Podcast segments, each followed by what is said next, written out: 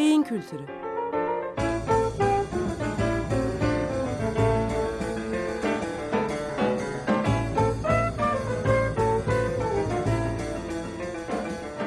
Tarihten, sanattan ve edebiyattan örneklerle beyin.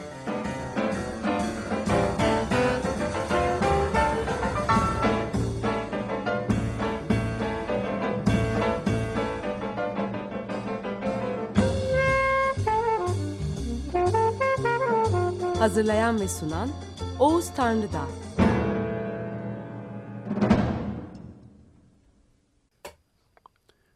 İyi günler efendim. Beyin Kültürü programına hoş geldiniz. Bugün 25 Mayıs 2015 Pazartesi. Geçen haftaki programımızdan devam etmek istiyorum efendim. Geçen haftaki programımızda çocuk beynindeki dil mekanizmasının özelliklerinden hareketle ana dil öğrenme, göç koşullarında başka bir kültürün dilini öğrenme ve ana dil dışındaki bir dille eğitim görme konularına beyin bilgileri, beyin kültürü penceresinden bakmayı denemiştik.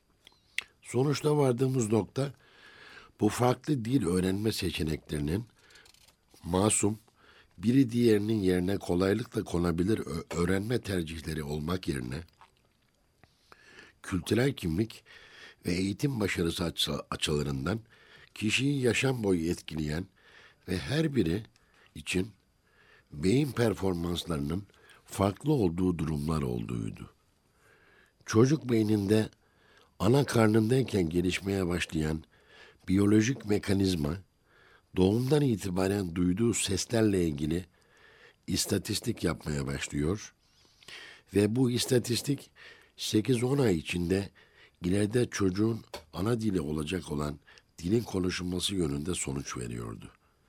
Yani kültürel ana dil kavramıyla beyinsel biyolojik ana dil kavramı arasında bir fark ortaya çıkıyordu.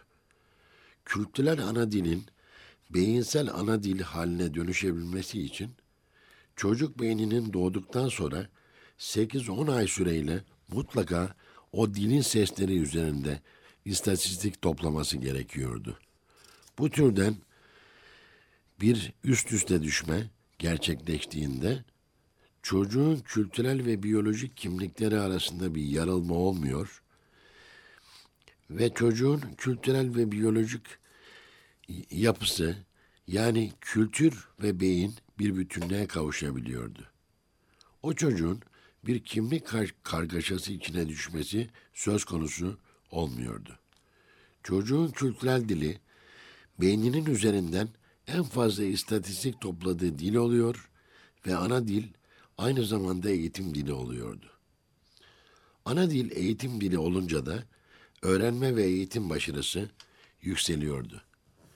Dolayısıyla söylemek gerekir ki normal koşullarda öğrenilen doğal ana dilin aynı zamanda eğitim dili olması, göç koşullarında öğrenilen ana baba dili olmayan bir dilin ana dil olarak öğrenilmesi ve bu dilin eğitim dili olması ya da bu grubun içinden çıkan bir alt grup olarak göçten geri dönüşte yine ana dil olmayan başka bir dilde eğitim ya da bunun göç olmadan yaşanan bir biçim olarak asimilasyon koşullarında ana dilde eğitim görememe, kültürel kimlik karmaşasının yanı sıra beyinsel biyolojik bir karmaşada yaratır. Şimdi çocuk beyninin dil kazanmayla ilişkisine bu gibi durum ve olasılıkların oldukça dışında kalan başka bir açıdan bakmayı deneyelim. Bu bakış açısı göç, asimilasyon, azınlık ve çoğunluk ilişkileri gibi sosyokültürel etkenlerin varlığını yok sayan ve çocuk beynini ve onun doğal olarak sahip olduğu biyolojik dil mekanizmalarını bu etkenler dışında kendi başına ele aldığımızda neler olabileceğiyle ilgili bir bakış açısıdır. Bu bakış açısının sorusu çocuk beyni bu etkenler dışında kendi dil kazanma kurallarını nasıl öğrenir ve nasıl uygular sorusudur. Bu soruya da daha çok konuya yakın olmayanların sergilemesi beklenen yaklaşım ki e, genetiğin her şey anlamına geldiği inancının da varsa etkisiyle bu mekanizmanın dış şartların etkisi dışında dil kazanma kapasitesinin tek başına kendini ortaya koyacağı yönünde bir yaklaşım olması doğaldır. Yani bu yaklaşıma göre dış şartlar ne olursa olsun beynin içindeki biyolojik kapasite, anne karnından itibaren oluşan biyolojik kapasite ve onu dünya vatandaşı yapan kapasite, doğduktan sonraki şartlar ne olursa olsun otomatikman çalışmaya başlayacaklardır. Başlayacaktır yaklaşımıdır. Yani beyin ne olursa olsun bu kapasitesini ortaya koyar yaklaşımıdır. Ne yazık ki bu yaklaşımın doğru olmadığını ortaya koyan veriler var. Yani beyin özellikle de öğrenme ve beceri gibi konularda dış şartlardan daha doğrusu kendi türünün dış şartlarından soyutlandığında sahip olduğu kapasiteyi neyle karşılarsa karşılasın onunla ortaya koymak eğilimindedir. Diyelim ki bir çocuk doğduktan sonra insanların bulunduğu bir ortamda olmasın ve beynindeki mekanizma insan seslerine ait istatistik tutamasın. Bu bağlamda eskiden inanılan bu beynin içindeki kapasitenin dış şartlar ne olursa olsun dil öğrenme yönünde yansıyacağı tarzındaydı ki biraz önce bunun doğru olmadığını düşündüren veriler olduğunu söylemiştik. Peki o zaman ne olur sorusuna geçmeden önce kendi türünün sağladığı dış ortamdan soyutlanmışlıktan ne kastettiğimizi açıklamayı açıklığa kavuşturalım. Literatüre geçmiş ve yüzyıllar içinde örnekleri yaşanmış iki durum var. Birisi hayvanlar tarafından kaçırılmış veya doğaya terk edilmişken bulunup beslenen çocuklar, diğeri ise doğduktan sonra ebeveynleri tarafından sosyal ortamlarda bulunmaktan alıkonulan, kapatılan, su ekmek dışında kilit altında tutulan çocuklar. Bu durumlarda çocuğun dil kazanması bağlamında hatta ötesinde iki farklı durum da ortaya çıkar. Birinci koşulda eğer çocuk hayvanlar dünyasında 8-10 ayını geçirebilirse ses çıkartma özellikleri bakımından hayvanlaşır ve dış görünüşü de buna uyar. Bu durumda sosyal koşullar içinde insan seslerine yönelik istatistik tutan çocuk beyni bu faaliyetini hayvan sesleri üzerine kurmuştur. Ben buna geriye doğru evrim diyorum. Bu fenomen sadece insan beynine has değildir aslında. Diğer türlerde de görülür. Evcilleştirilmiş bir hayvanın doğa koşullarında vahşileşmesi, doğaya terk edildikten sonra tekrar aslına dönmesi gibi. Bu koşullarda kalan köpeklerin asıllarına dönmesi ve kurtlaşması gibi. Bu geriye doğru evrimleşme fenomeni aslında e, beyni anlamamız için, insan beynini anlamamız için, insan davranışlarını anlamamız için özellikle insanlar bağlamında ayrıca ele alınmayı hak eden ve bu konuda program yapmamızı gerektiren bir fenomendir. İnsan beyninin nasıl çalıştığını anlamamız bakımından çok önem verdiğim ve tarih yorumlarını da içine işin içine katmayı düşündüğüm bu yaklaşımı zaman içinde unutursam lütfen e, bir şekilde bana ulaşarak hatırlatın arkadaşlar. Geriye doğru evrimleşme fenomeninin edebiyatta da örnekleri vardır. Rudyard Kipling'in Orman Kitabı The Jungle Book isimli romanındaki Mowgli tipi bir çocuğun ismidir bu. Bu türden bir örnektir.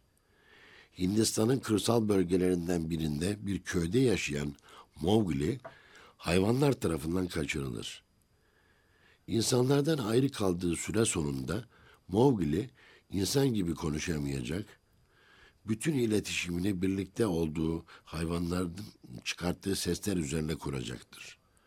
Mowgli yaşananların geriye doğru eee, işlediği geriye doğru bir evrim örneğidir. İkinci Dünya Savaşı sonrasında da buna benzer bir iki örnek yaşanmıştır. Bu iki e, özellikle iki ilginç e, olayı sizinle paylaşmak istiyorum. Bunlardan birisi Yunanistan Nazi işgali altındayken dağlarda gerilla savaşı yürüten Yunan komünistleriyle diğeri ise savaş sırasında bazı küçük uzak doğu adalarında görev yapan ve savaştan sonra orada unutulan veya kalan Japon askerleriyle ilişkilidir. Her iki örnekte de bazı gerillalar ve askerler savaşın bittiğine inanmayıp bulundukları yerlerden ayrılmamayı tercih ederler.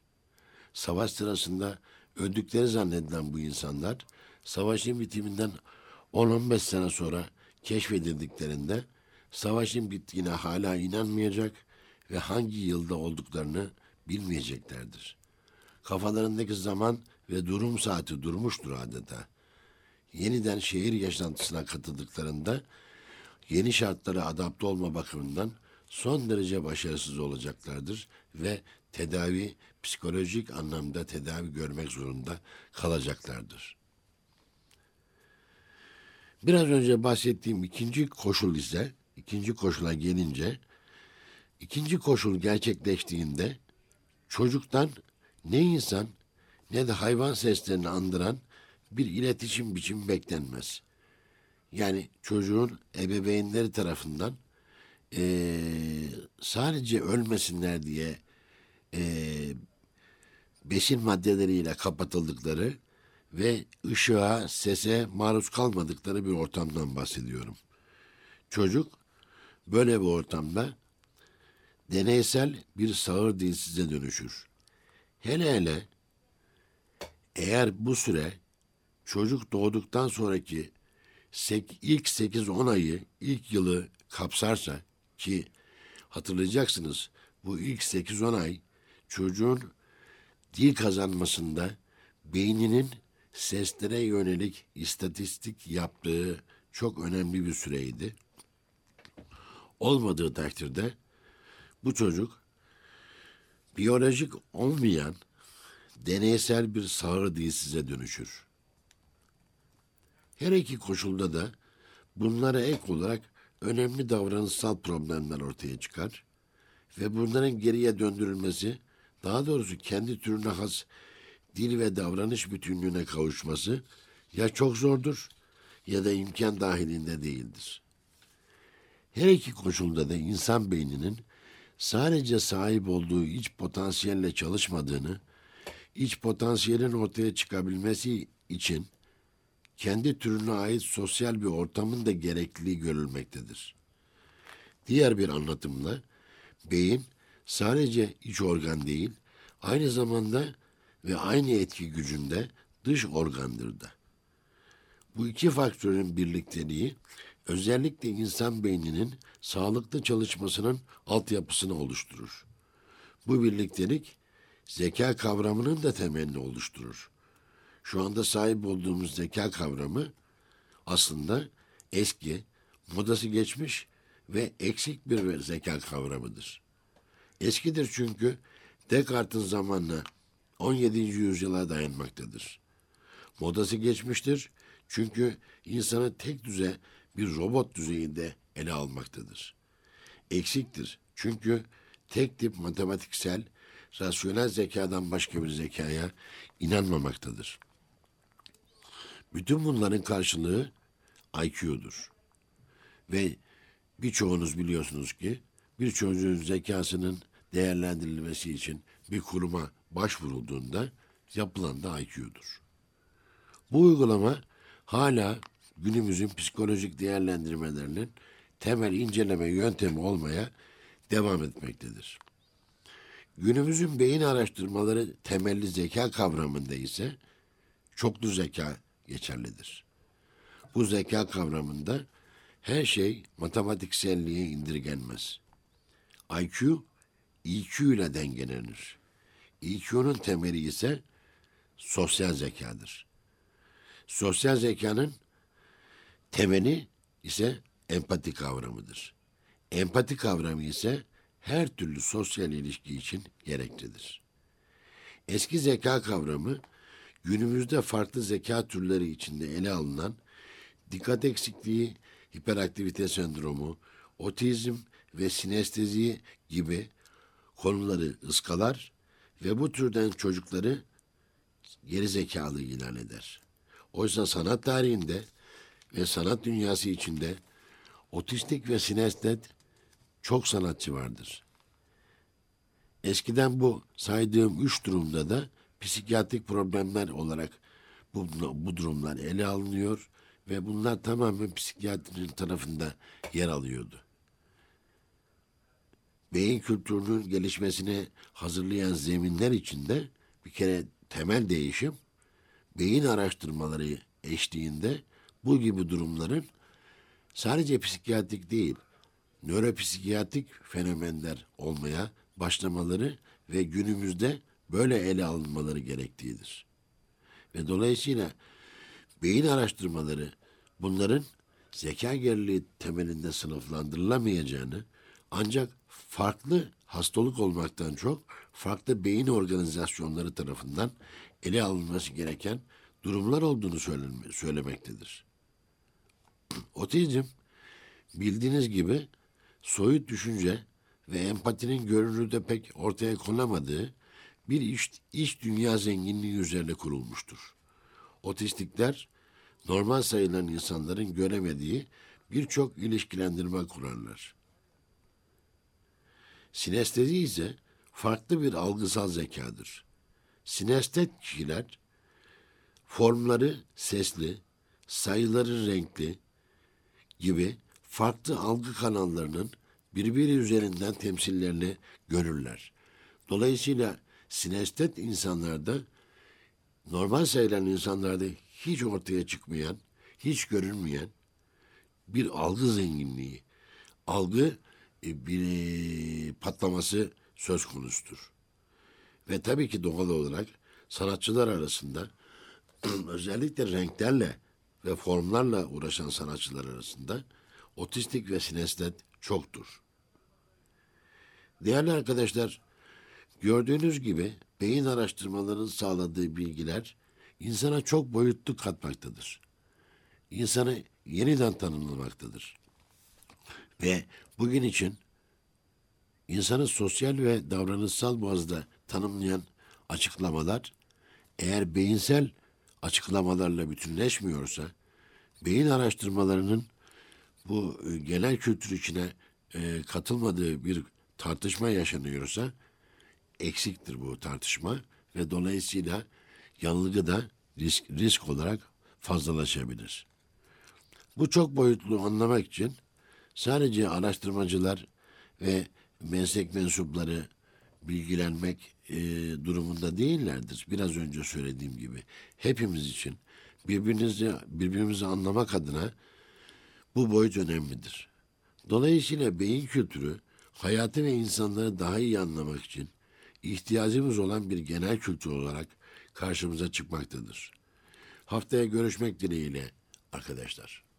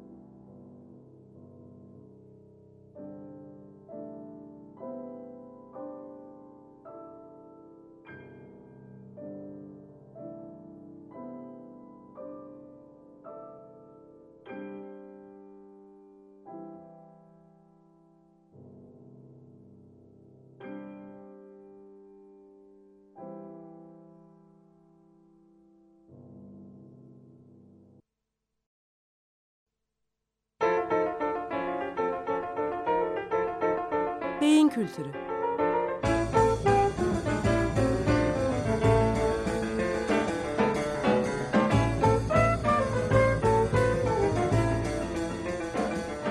Tarihten, sanattan ve edebiyattan örneklerle beyin.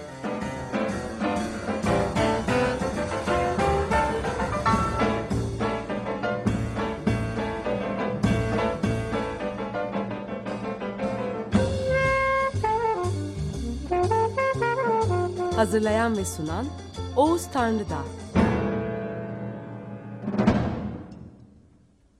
Açık Radyo program destekçisi olun.